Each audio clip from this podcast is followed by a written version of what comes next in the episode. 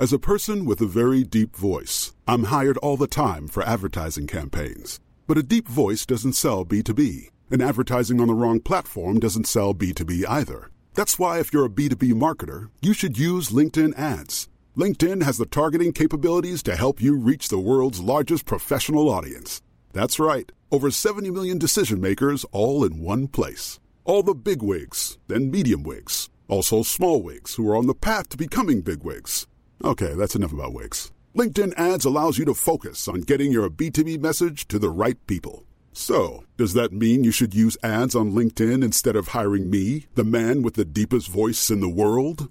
Yes. Yes, it does. Get started today and see why LinkedIn is the place to be to be. We'll even give you a $100 credit on your next campaign. Go to linkedin.com slash results to claim your credit. That's linkedin.com slash results. Terms and conditions apply. Quality sleep is essential for boosting energy, recovery, and well being. So, take your sleep to the next level with Sleep Number. With a Sleep Number smart bed, you can individualize your comfort level and enjoy a better sleep night after night. JD Power ranks Sleep Number number 1 in customer satisfaction with mattresses purchased in-store. And now the Queen Sleep Number C4 smart bed is only $1,599, a saving of $300 only for a limited time. For JD Power 2023 award information, visit jdpower.com/awards. Only at Sleep Number stores or sleepnumber.com. Hej allesammans och välkomna till avsnitt nummer två av Var femte kvinna. Hej allihopa och eh, vi hoppas verkligen att ni tyckte om första avsnittet som vi släppte förra veckan. Har ni mot förmodan missat det så hittar ni det där ni hittar podden. Precis, och lyssna på det om Ja. ni inte har lyssnat på det, för det är viktigt. Ja, verkligen. Den här veckan så träffar vi vår första gäst för den här serien och det är Johanna. Världens gulligaste tjej. Ja, alltså hon var så snäll, hon var så trevlig. Och ja, Jag tror att ni kommer gilla det här avsnittet jättemycket och jag tror att ni kommer gilla Johanna och jag är bara så glad över att hon ja, men var så modig och verkligen orkade och vågade berätta. Ja, verkligen. För det ni kommer få lyssna på nu är Johannas historia. Johanna har blivit utsatt för sexuellt övergrepp och har ju då som sagt valt att ställa upp i Var femte kvinna just för att liksom sprida ordet om att det här händer. Mm, verkligen. Vi har ett utdrag från mejlet Johanna skickade till oss och det låter så här. Jag sa nej. Jag tog bort hans händer. Jag sköt bort hans kropp med mina händer. Jag var helt borta och halvt medvetslös. När detta hände var jag 14 och han 16. Jag vågade inte prata med någon för att jag skämdes och för att jag trodde att det inte var något. För att han inte hade överfallsvåldtagit mig. Det fanns liksom inget att anmäla. Trodde jag. Så det är alltså vad ni kommer få lyssna på i den här veckan eh, av Var femte kvinna. Och nästa vecka är vi tillbaka med avsnitt nummer tre. Och då gästas vi av författarinnan eh, Katarina Wenstam. Precis. Och glöm inte att använda hashtaggen var femte kvinna för att sprida ordet om dessa sjuka samhällsproblem.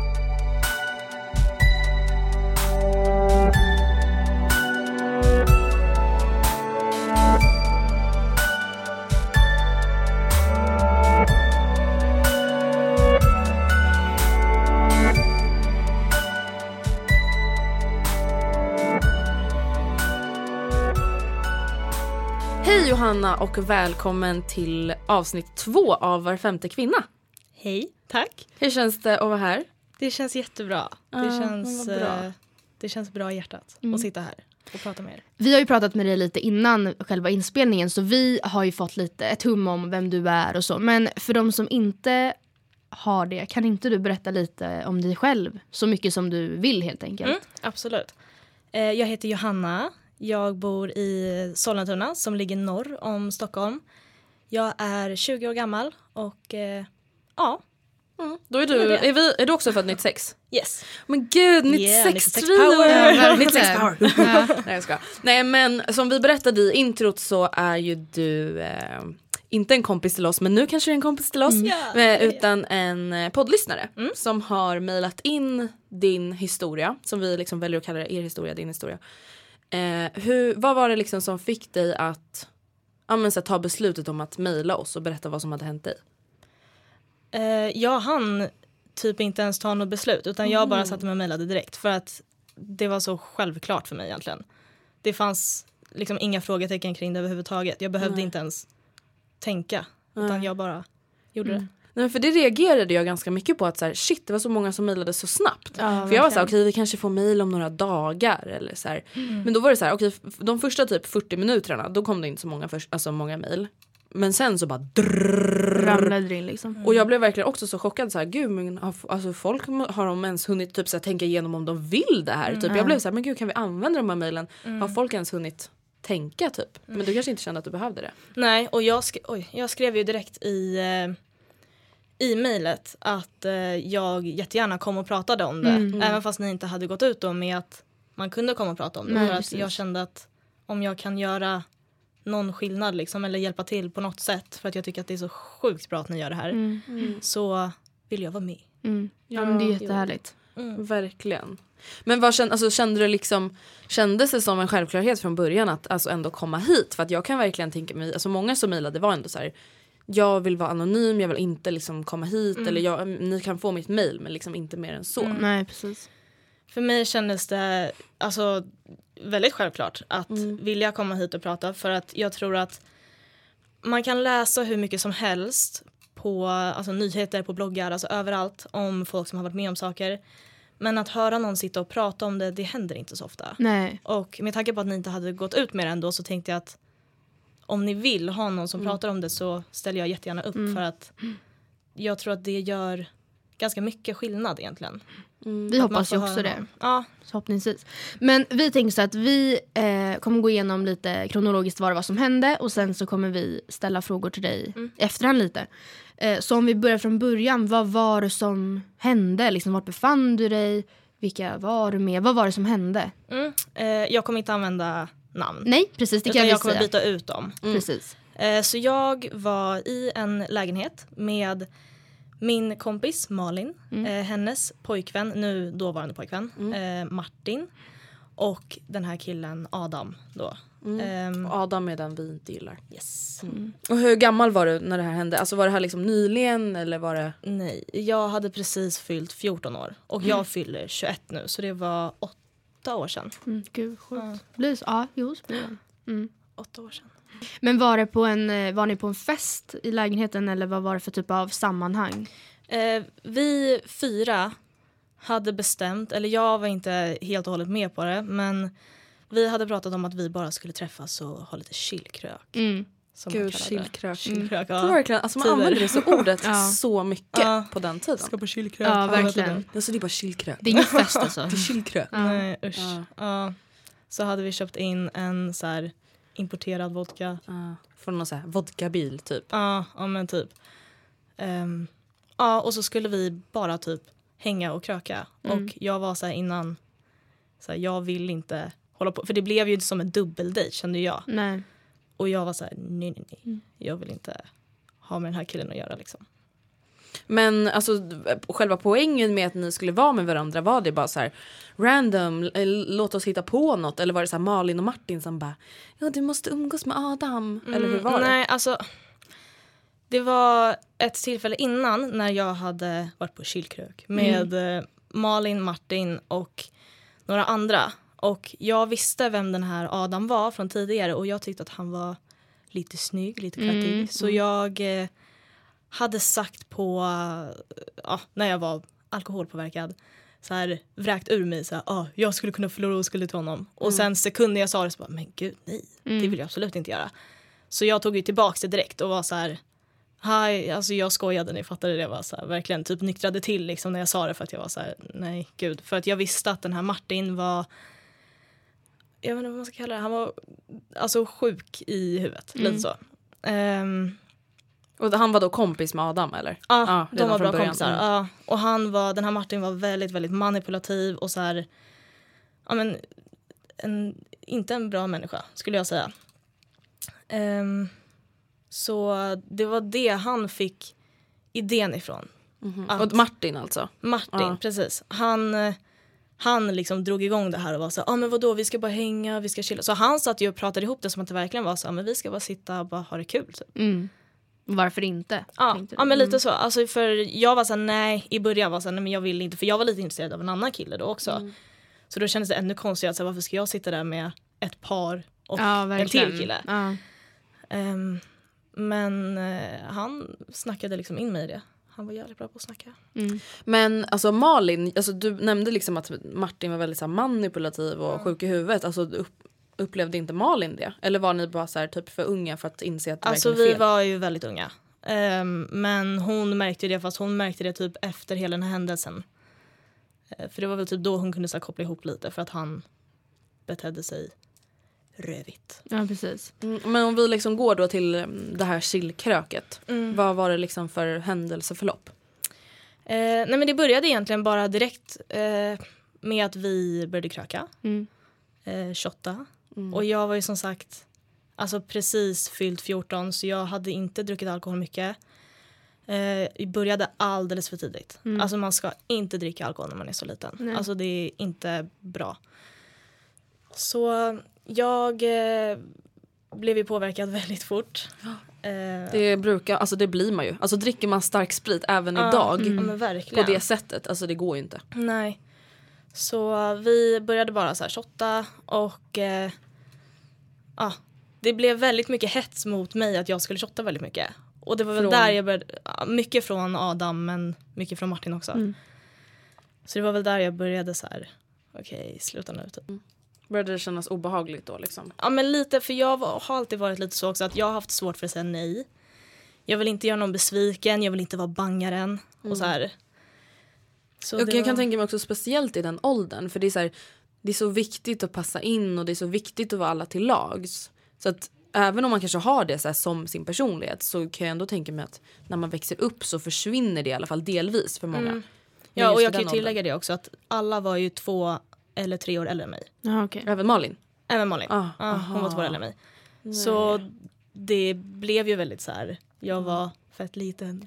När de hetsade dig, alltså Martin och Adam, Mm. eh, hur upplevde du Malin i dem? Eller backade hon dig eller var hon mer kanske en del av, jag menar inte kanske en del av det manipulativa men att Mm. hon redan var så manipulerad att hon liksom... för det Nej alltså det. hon var bara passiv. Typ. Ja. Alltså hon stod bara, hon hetsade inte men hon stoppade ingenting heller liksom. Nej. Och sen var det inte heller att jag stod och var så här, jag vill inte och de bara Nej. öppna upp halsen och så häller vi ner det. Typ. Nej, Utan precis. jag tog ju fortfarande shotsen men jag sa ju nej Mm. Till att jag inte ville ta mer och då var jag såhär, jo kom igen, kom igen, kom igen. Det blir kul. Ja, liksom. Mm. verkligen. Vad hände sen då? När kände du att det liksom eskalerade eller vad man säger? Eh, alltså det började vid att eh, det var den sista shotten av Mm. kvällen. Och ehm, då var det Adam som bara, kom igen, vi tar en till shot. Mm. Och jag var så här, nej men nu är det bra för jag kände redan så här, jag är lite för påverkad nu. Ehm, så han ville att vi skulle ta en sista shot och jag bara, ah, okej då. En till. Alltså verkligen så här, gav mig bara så här, okej, ja, men vi tar en sista. Han bara, vad ska vi skåla för? Och då, redan där började det så här, göra lite ont i magen. Jag bara, mm, ingenting typ. Så jag bara kollade ner i marken och bara, jag vet inte. Och han bara, vi skålar för det här. Och så tog han tag i min nacke och bara tryckte mig mot honom och började hångla med mig. Alltså, åh jag får panik. Och det Alltså, var typ där panik. jag blev så här, ah, okej. Som jag, alltså mina armar hängde ju bara liksom ner och jag stod där och bara, jag vill inte det här. Ehm, men typ halvt hånglade tillbaks för jag var så okej men det är bara ett hångel, det är okej, det är ingen fara, det är lugnt så här. Och sen så slutade han och eh, eh, han slutade och tog sin shot och jag tog min shot men han höll fortfarande kvar alltså greppet runt min nacke. Det var verkligen som att han fortfarande sa vi är inte klara. Nej. Och jag var så här, så, ah, okej vänta vi är klara nu. Så här. Och du hoppades på att så här, det här hånglet var det jag behövde genomlida Ja, men och sen skulle det vara över. Exakt, Liksom. det var precis så jag kände. Eh, så jag tar shotten, ställer ner och verkligen så här, alltså jag tittar inte på honom för jag var så här, rör inte mig typ. Nej. Ehm, men han bara ja, trycker mig mot honom igen och bara börjar hålla med mig och jag står exakt likadant igen. Och sen släcks rummet. Och jag hör att dörren smälls igen. Och då var det helt kolsvart. Så jag bara, gud vad är det som händer nu? Eh, och då så för han mig bara till, för det stod en säng där inne. Eh, och han för mig till sängen och sätter mig på sängen. Jag bara, det är okej. Vi kan hångla på sängen, ingen fara. Alltså jag, jag försökte bara intala mig hela tiden om att så här, det gör ingenting. Det här är okej, det här kan jag leva med. Liksom. Ehm, Men då, och det var helt becksvart som, alltså som jag sa. Men får jag bara inflika, Mm. var, det, var det Martin och eh, vad hette kompisen? Martin och Malin. Martin och Malin som stängde Det var? Ma- Martin stängde dörren. Han puttade in Malin i rummet bredvid Ja, och stängde dörren. okej. Och sa du får inte gå in. Det där var hans sätt att wingmana typ. Ja. På något sätt Ja, jävligt var sjukt sjukt. sätt. Ehm, och sen så satte han mig på sängen Mm. och det var helt becksvart så jag såg ingenting. Sen helt plötsligt, för han stod fortfarande upp, Mm. helt plötsligt så får jag en snopp i min mun och så säger han sug min kuk. Och jag sitter där alltså helt, helt så här förskräckt verkligen. Ja. Förstår inte vad som har hänt och bara spottar ut den direkt. För jag var så här, jag hade aldrig ens sett Nej. en snopp i hela mitt liv i Nej. ett sånt här sammanhang. Mm. Alltså jag var ju verkligen helt så här, ja men jag var helt skärrad typ. För jag bara, vad är det Mm. här, vad är det som händer? Ska det gå till så här? Alltså jag fattade ju ingenting. Men alltså när det här händer, du måste ju vara livrädd. Mm.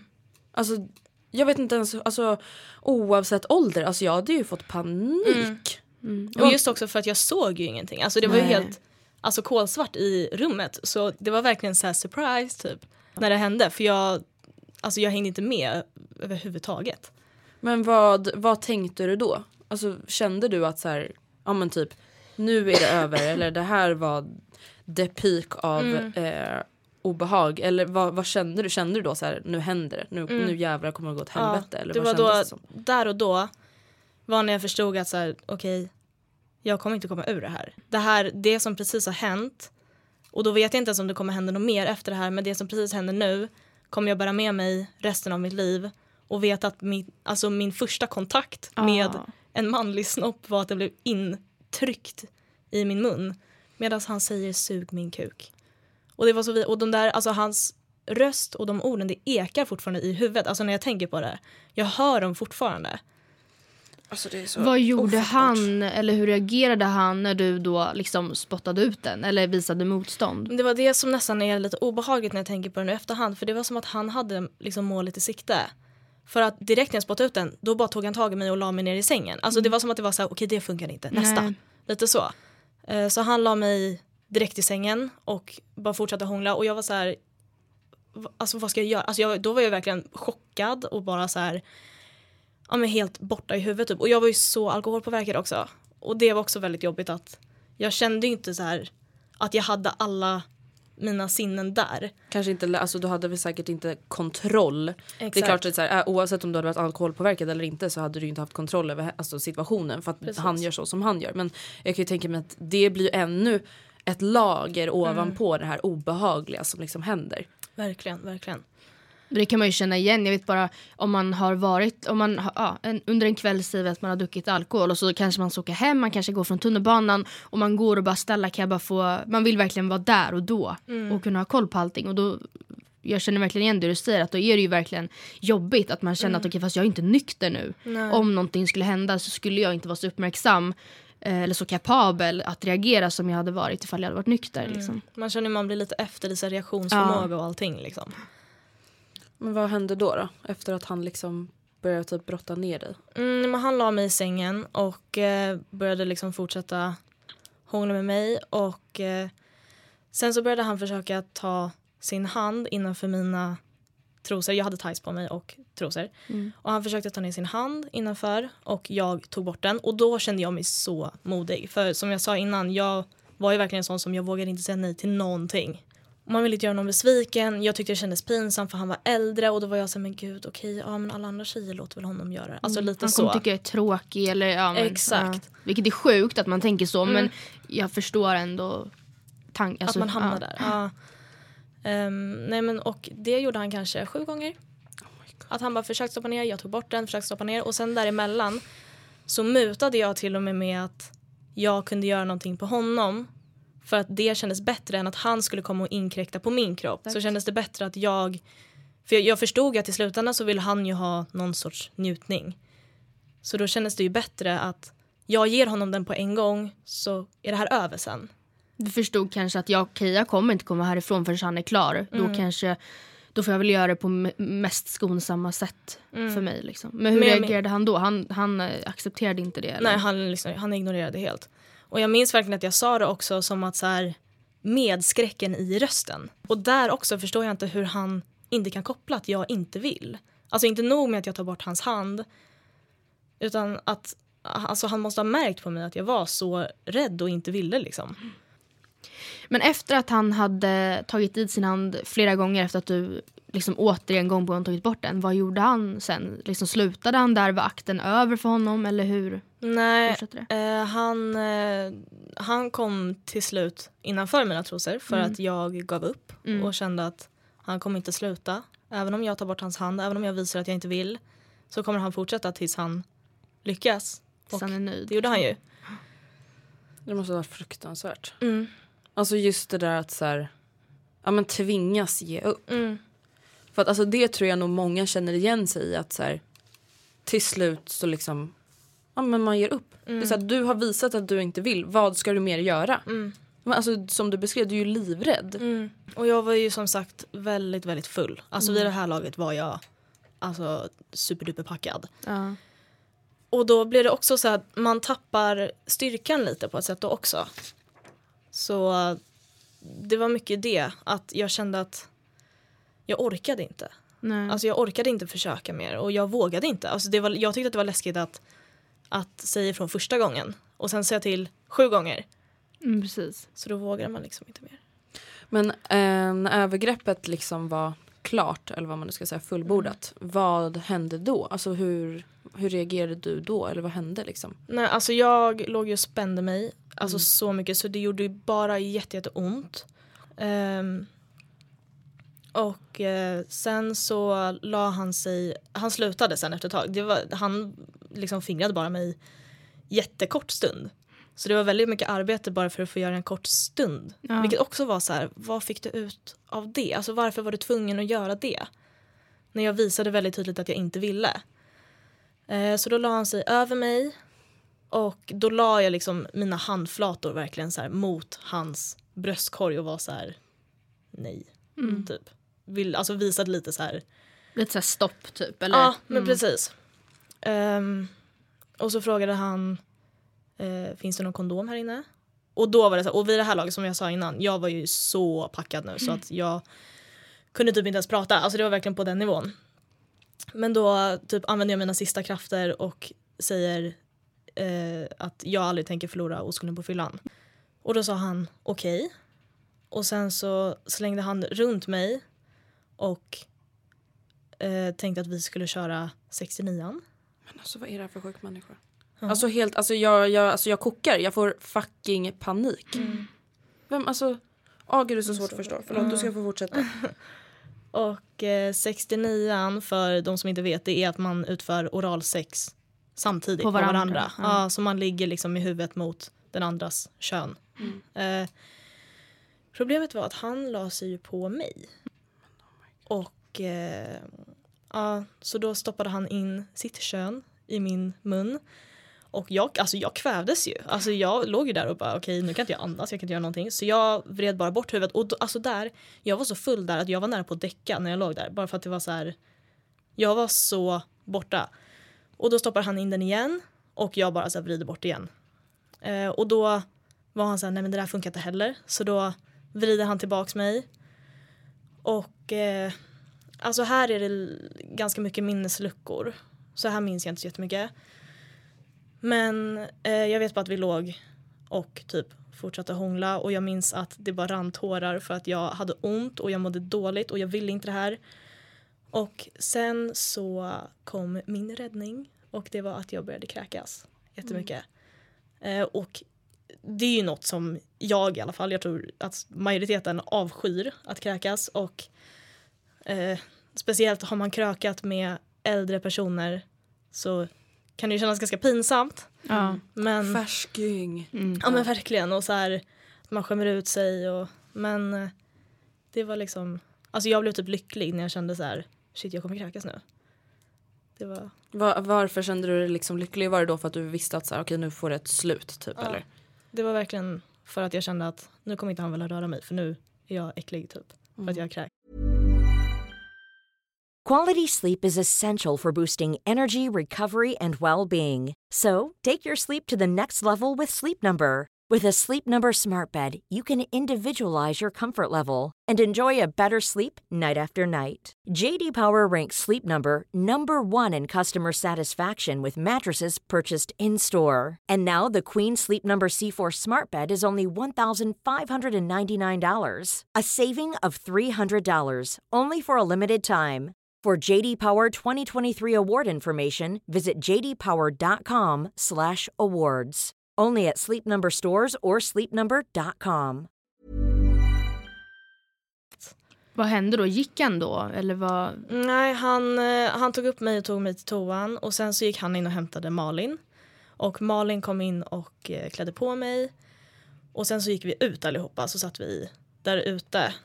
Eh, bara för att jag skulle få frisk luft och bara få kräkas och så. Och då kom Malin ibland och så här, klappade om mig lite och så. Och det kändes bara så här, jätteskönt. Och jag kände så här, gud nu är jag hemma, nu är det över. Typ så.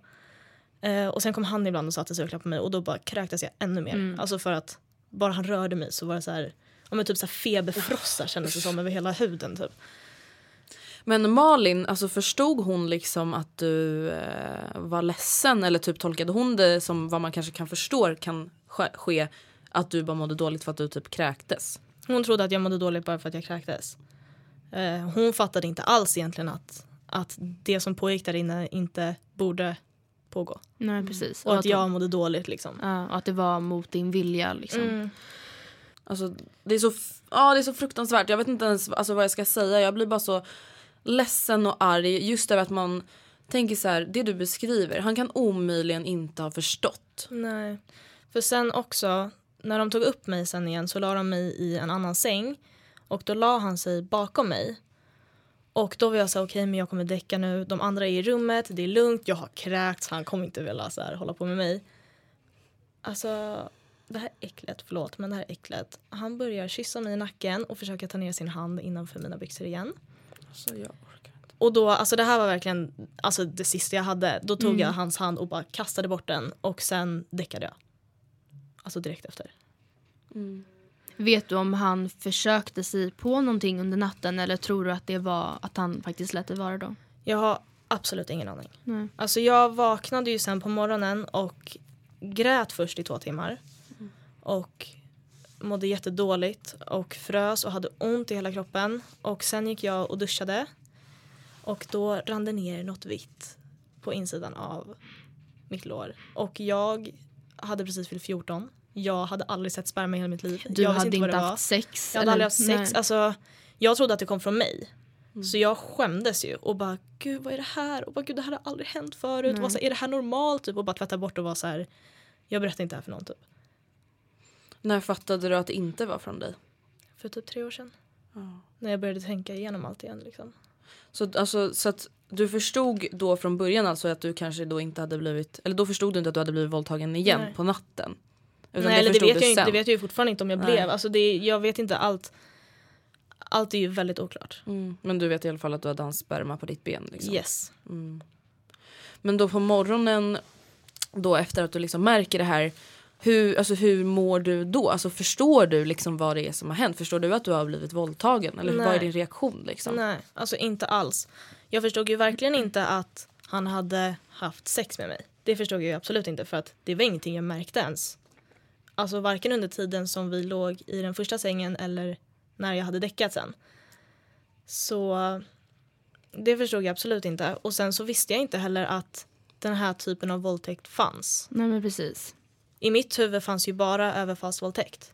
Inte någon du känner som Och inte heller kanske oralt. Nej, precis. Det trodde jag absolut inte var våldtäkt. Ehm, Men du Så. kände ändå att det kändes fel? Liksom. Det kändes ja, obehagligt? Jag visste ju att jag mådde ju dåligt. Och jag var ju jätteledsen och jag hade ont och jag visste ju att jag ville inte det överhuvudtaget. Ehm, men jag fattade inte att mitt att jag inte ville det betyder att det är en våldtäkt. Många av de som har mejlat oss eh, under hela den här processen har återkommit till två stycken känslor egentligen i sina mejl och det är skuld och skam. Är det någonting som du kände eh, då eller var det mest, vilka känslor kände du direkt efter eller dagen efter, veckan efter? Eh, alltså jag grät väldigt, väldigt mycket eh, och jag kände väldigt, väldigt mycket skuld. Mm. För att jag kände att det var mitt fel. För det första för att jag ens hade skojat om att jag ville förlora oskulden till honom. Och sen även för att jag inte slogs, att jag inte sparkades, att jag inte skrek nej. Alltså att jag inte gjorde allt i min makt för att det inte skulle hända. Det var liksom, det var mitt fel att det hände. Jag tror att det där är alltså verkligen en bild man har haft innan man liksom läser på kanske är fel uttryck men tills man vet mer så tror man liksom att så här, ja, om man inte vill ja då skriker man och slår så som du beskrev men eh, vi har ju pratat med liksom andra som beskriver just det här med att så här, frozen fright. Alltså man fryser till is för att man blir så rädd. Det är liksom det enda sättet att överleva det här otäcka. Man vågar inte, man är livrädd. Det är, alltså jag kan tänka mig att det är få som faktiskt slår och skriker. Det tror jag också. När det här liksom hade hänt och du hade liksom vaknat upp och mådde så dåligt, berättade du då för Malin vad som Mm, hade jag hänt? berättade direkt för henne. För hon vaknade av att hon hörde mig gråta. Så hon kom upp och vi satt och grät tillsammans. Hon grät också för hon hade inte förstått att det var det som hände där inne. Så hon grät också tillsammans med mig och sen så kommer Martin upp och han börjar skratta. Skojar du med mig? Han börjar skratta och liksom bagatellisera allting och säger att jag är larvig och töntig för att jag eh, är ledsen liksom för att det var inte en så stor grej. Typ så. Så det här var ju första liksom som fick mig att tvivla på att det hade varit en våldtäkt. Men Malins reaktion, var det ändå så här, ja det här är fel? Alltså hon gav dig bekräftelse på att det du kände var rätt eller? Ja. Ja, Det var skönt. Det måste i alla fall varit skönt även om Martin sen kom och förstörde allting. Mm. Men eh, berättade du för någon annan? Alltså har du några syskon du berättar för eller hur? Eh, jag berättade för mina syskon också. Men jag berättade för dem ganska mycket senare. Och jag berättade det så här som att det inte var någonting. Och jag har pratat med dem i efterhand väldigt mycket nu.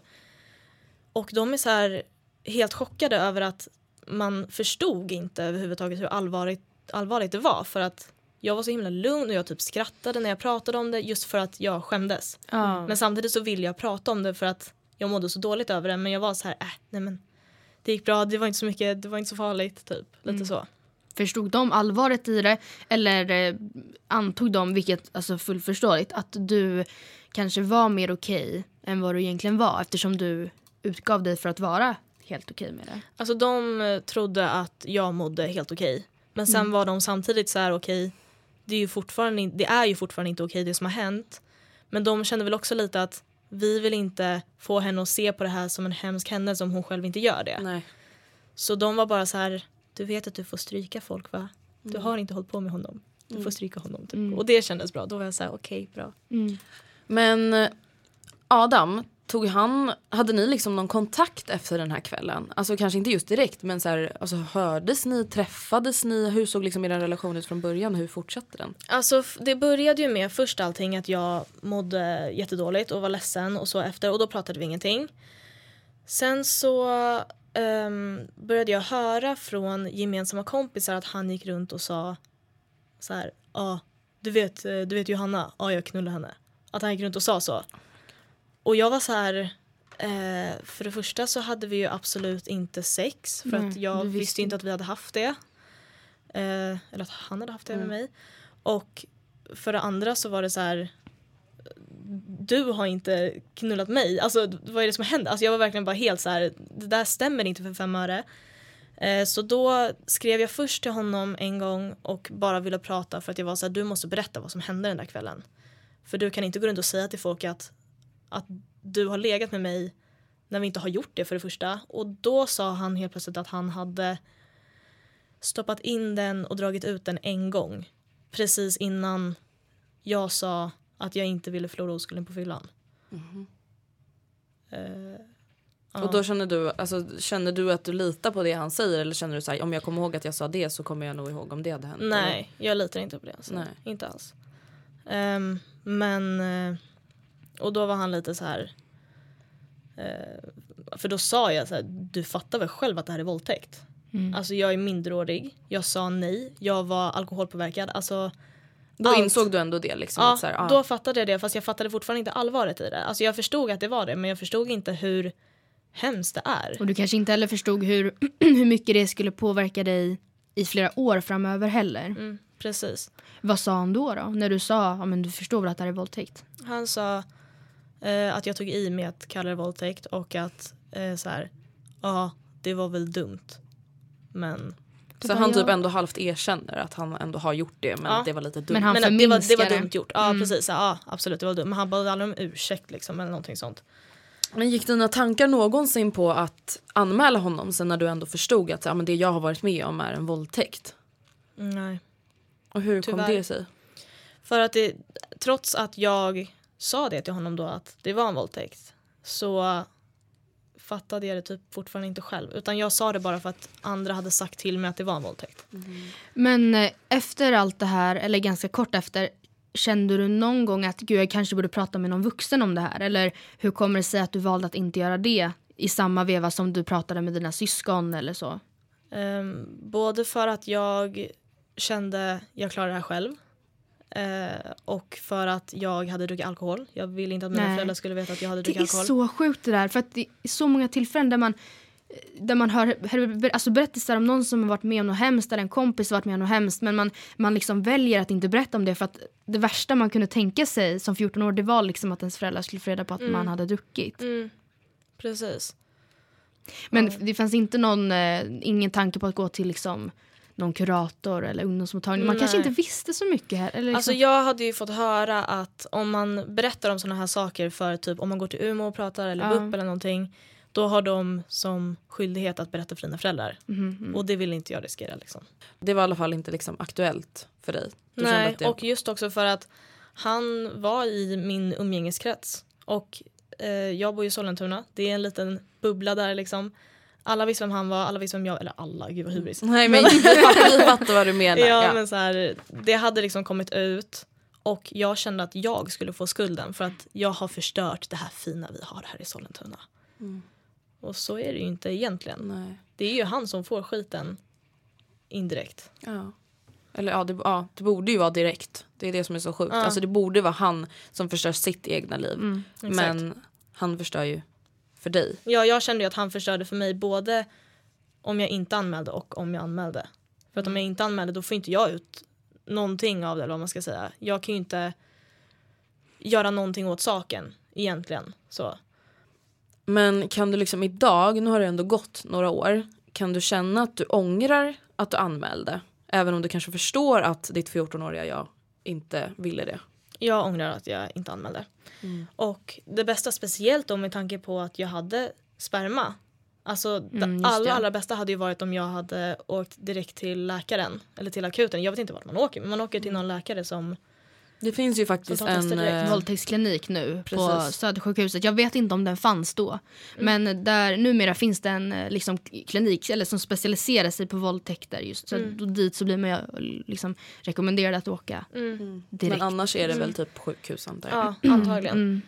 Mm. Eh, så det ångrar jag ju. Men som sagt, jag visste ju inte att, att det var en våldtäkt. Så då fanns det ju ingen anledning för mig att åka till sjukhuset och kolla någonting egentligen. Ångrar du att du inte pratade med någon vuxen tidigare? För jag tänker att som du säger att du var rädd att ifall du går till Umeå då kommer de för, liksom dina föräldrar kommer i slutändan få reda på att du har druckit liksom.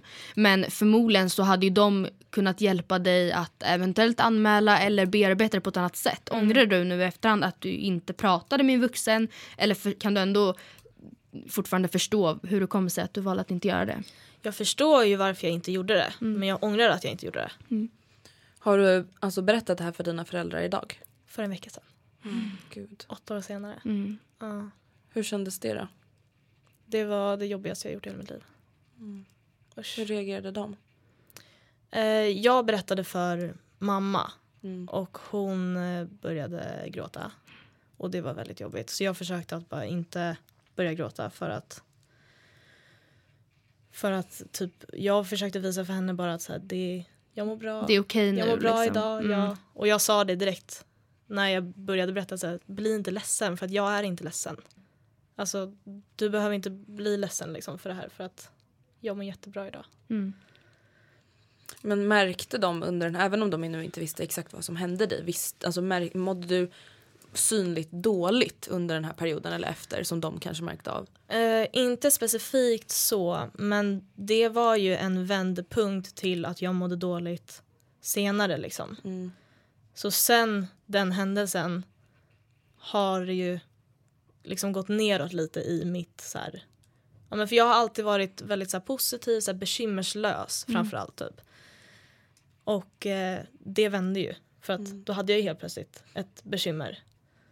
Eh, så de märkte mycket så.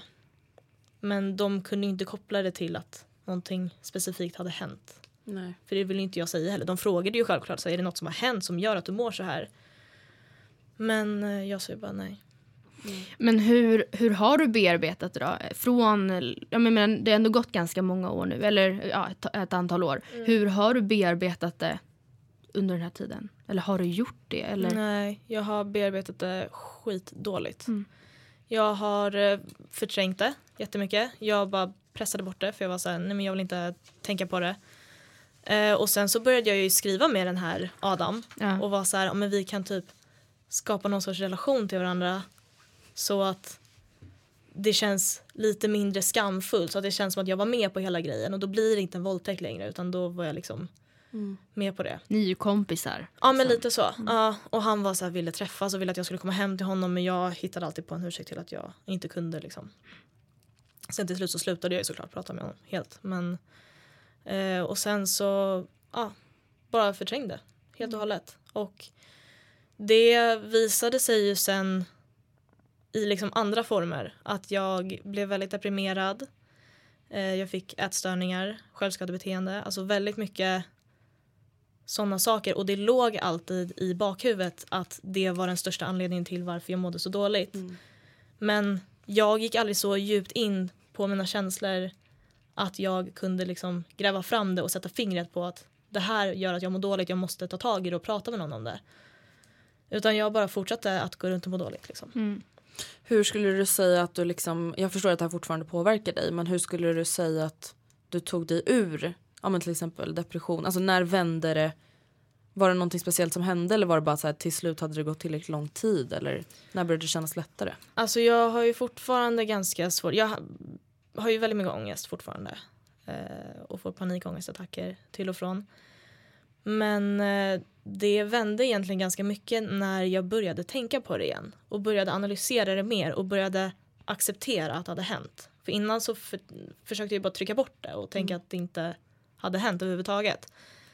Så det var egentligen när jag mer började så här arbeta med tanken på att det faktiskt hade hänt och acceptera det. Skulle du säga att det är ett tips till de som lyssnar om de har varit med om det att liksom våga acceptera det? Ja, Mm, Det och skulle jag inte säga. bara trycka bort. exakt. Men hur ser din relation ut till Adam idag? Eller har ni någon relation? Eller? Har du typ konfronter- alltså, har du konfronterat honom nu på senare år eller hur har det liksom? Mm, alltså vi gick i samma skola sen i eh, gymnasiet. För det här hände ju i sjuan, tror jag det blir. Sjuan eller åttan, sjuan tror jag. Ehm, och sen gick vi i samma eh, gymnasieskola.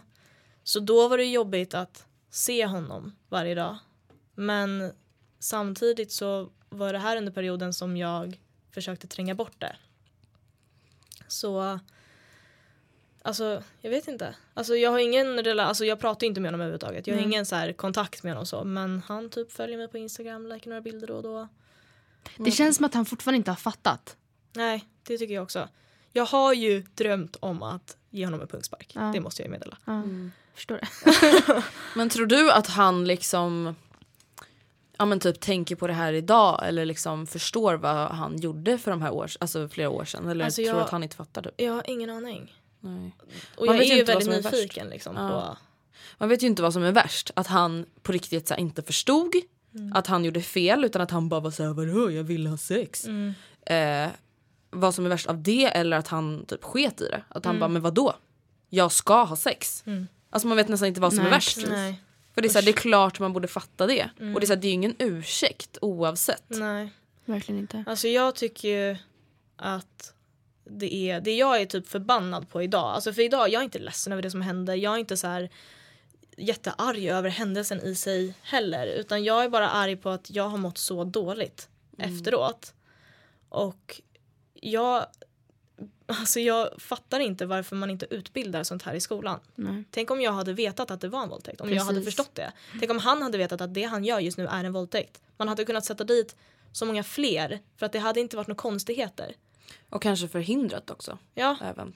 Att så här, om man pratar om det tidigare. ja, Ja men till exempel som du sa, du trodde typ att det enda sättet att bli våldtagen på det är överfallsvåldtäkt när man går hem från tåget. ja. Och det är så många som tror det. Och det kanske är hemskt att man ska behöva lära så pass unga människor om vad, vad, som, vad, vad en våldtäkt är. Jag menar, som du sa, du förstod inte ens... Du visste egentligen knappt vad sperma var eller hur det såg ut. Och vilket är fullt förståeligt. Och det känns ju väldigt tråkigt egentligen att man ska behöva upplysa så unga människor om det i liksom våldtäktssammanhang eller vad man säger. Men samtidigt så är det ju så viktigt att börja prata om det uppenbarligen i yngre åldrar så att det är så inbankat i skallen när det är dags att bli att sexuell alla aktiv. förstår. Ja. Så att man liksom förstår. Men jag undrar lite, hur, hur var det för dig att ha sex efter det? Tog det emot? Kändes det konstigt? Hur, väntade du länge? Eller var det, var det en, en del av självskadebeteendet? Att du liksom hade mycket sex? Eller? Eh, alltså det berörde typ inte mig alls faktiskt. Och jag tror att det var både för att det var under den här perioden när jag liksom tryckte bort det Ja. och för att mina systrar just hade sagt att du får stryka den. Alltså du får stryka honom. Du har inte Ja, legat gud, med honom. Du Alltså, det förlorade gjorde inte så mycket. oskulden där. Nej liksom. precis och det är precis så jag har varit. Så första killen jag låg med sen då sa jag det så ah, du vet att jag är oskuld va? Och då hade han hört från en kompis att jag hade blivit våldtagen så han blev så här, eh, eh, ja jättenervös för han var ju så här, Visste inte vad han skulle säga. han ville inte trappa mig på tårna men ja. Men han blev ju också chockad liksom. Men eh, alltså jag fick ju någon konstig relation till killar efter det. Alltså inte så att jag använde det som något självskadebeteende men jag tyckte att det var skönt att typ hångla med en kille och sen bara nej jag vill inte hångla med dig mer för att jag kände då att jag hade kontrollen över att för att jag inte hade haft någon kontroll Mm. precis. överhuvudtaget då. Det var det ju inte så att jag gjorde det här på så daglig basis men alltså när jag väl gjorde det så var det så här I got the power. Typ. Ja. Mm. Så även fast du kanske hade velat fortsätta hångla med honom så liksom bara för att själv typ Ja. må bra i Ja. det så. Ja. Men det Precis. låter, tycker jag låter ganska förståeligt. Ja. Alltså, det känns ju som en ganska så här, naturlig reaktion att liksom vilja ta tillbaka kontrollen och makten. Mm. Exakt. För han har ju fortfarande någon konstig makt över mig liksom. Ja. Att jag, jag, när jag kom hit idag så känner jag fortfarande så här, men gud var det verkligen en våldtäkt? Mm. Det var en våldtäkt. Det var en våldtäkt. Dessvärre. Eh, Men om vi tänker bredare än Adam och ser liksom på, det, på det här problemet som ett eh, större problem, alltså i samhället. Hur tror du att det kommer sig att det finns killar som tar sig rätten på det här sättet och som kanske inte snappar upp sånt som man själv tycker är helt uppenbart är ett nej. Liksom. Eller betyder att man inte vill. Hur, hur tror du kommer sig att det är så? Alltså jag tror både att det är för att många är okunniga. Mm. Alltså bara folk fattar inte att det är så här för att, att även om tjejen kanske inte har sagt nej så finns det så många andra sätt att säga nej på än ett rakt ut nej. Mm. Och att det är inte okej att ligga med en tjej som är full. Det är inte okej att ligga med en tjej som är däckad. Men alltså, vi pratar ju liksom om att man borde liksom utbilda folk inom det här. Man måste prata om det här tidigare. Skulle du säga, alltså, tror du på högre straff? För det är ju någonting man liksom diskuterar om. Så, ja, men våldtäktsmän de fick två år för att ha gjort det här. Eller tror du att det är någonting som skulle bidra till att det här sker mer sällan? Du behöver inte ha något perfekt svar Nej. utan det är bara vad du tror. Liksom. Oh, gud vad svårt. Alltså jag har faktiskt ingen aning. För att jag tror inte riktigt att det är där som skon klämmer. Utan jag tror att det är i själva förundervisningen. Nej, Vadå? inte förundervisningen. Vad heter? Förundersökningen. Förundersökningen. Jag tror att det är i eh, själva förundersökningen som det går snett. Liksom. Att det är där det tar stopp. För att de har inte tillräckligt, tillräckligt med bevis. Det är ord mot ord. Det är så mycket sådana grejer. Och jag känner väl typ också att så här, själva diskussionen kring hur man ska behandla de som redan gjort det här. Alltså absolut att det är viktigt. Men jag tycker väl snarare, alltså det är viktigare att diskutera hur ska vi motverka. Exakt. Inte så här hur, alltså det, jag tycker absolut att det är viktigt att man ska stå till svars för de här hemska sakerna man har gjort. Men jag tycker att det är så viktigt att man lägger ner pengar och resurser och tid på att så här, försöka jobba för att det här aldrig ska hända överhuvudtaget. Verkligen, verkligen. För jag kan anmäla någon Ja, och den blir fälld och hamnar i fängelse. Men jag kommer fortfarande ha varit med om det. Liksom. Ja. Jag kommer fortfarande aldrig kunna liksom, tvätta bort den händelsen. Men du, du valde ju att inte anmäla och Dag ångrar att du inte gjorde det. Mm. Vad tror du kan få fler att anmäla?